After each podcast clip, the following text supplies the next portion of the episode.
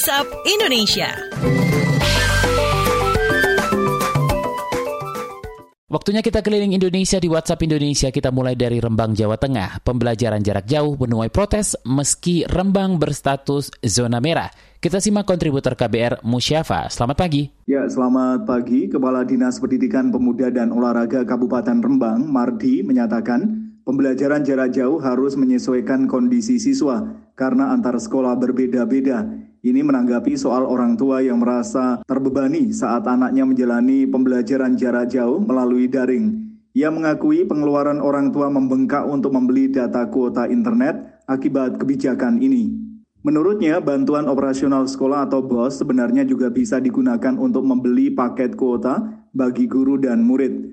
Jika tidak memungkinkan, sebaiknya sekolah membuat konsep pembelajaran yang tidak terlalu memberatkan siswa. Namun, kata dia, sekolah tatap muka baru akan dilakukan jika wilayahnya sudah menjadi zona hijau. Saat ini Kabupaten Rembang masih berstatus sebagai zona merah. Demikian saya Musyafa melaporkan untuk KBR. Masih dari Jawa Tengah, kini kita menuju ke Solo untuk menyimak soal bertambahnya jumlah mahasiswa kedokteran UNS yang terpapar COVID-19. Dilaporkan oleh kontributor KBR Yuda Satriawan. Selamat pagi. Selamat pagi, Dekan Fakultas Kedokteran Universitas Negeri 11 Maret atau UNS Solo, Reviono mengatakan, data terbaru saat ini ada 70 mahasiswa program pendidikan dokter spesialis atau PPDS UNS Solo yang positif COVID-19.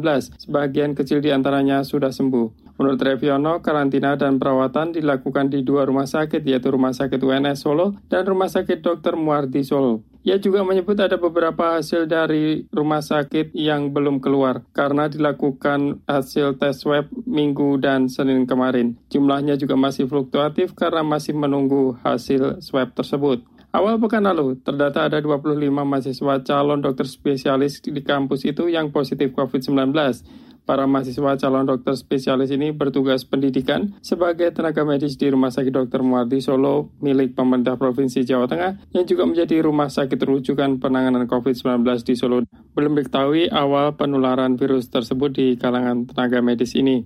Dari Solo, Jawa Tengah, Yuda Satriawan melaporkan untuk KBR. Terakhir menuju Jakarta, Presiden mewanti bantuan modal kerja kepada pengusaha kecil dan mikro tidak disalahgunakan.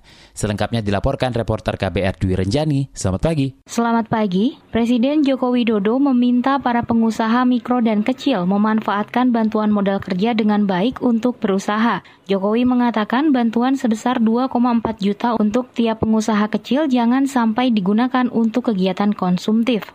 Selasa kemarin, Presiden telah menyerahkan bantuan modal kerja kepada 20-an pengusaha mikro dan kecil di Istana. Presiden Jokowi mengatakan bantuan modal kerja sebesar 2,4 juta akan terus diberikan kepada 12 juta pengusaha kecil dan mikro, namun melalui bank pemerintah. Jokowi mengatakan pandemi COVID-19 memang menyulitkan dunia usaha, terutama pengusaha mikro dan kecil. Namun ia berharap para pengusaha tetap bekerja keras membantu pemulihan ekonomi nasional. Demikian saya Dwi Rencani melaporkan untuk KPR.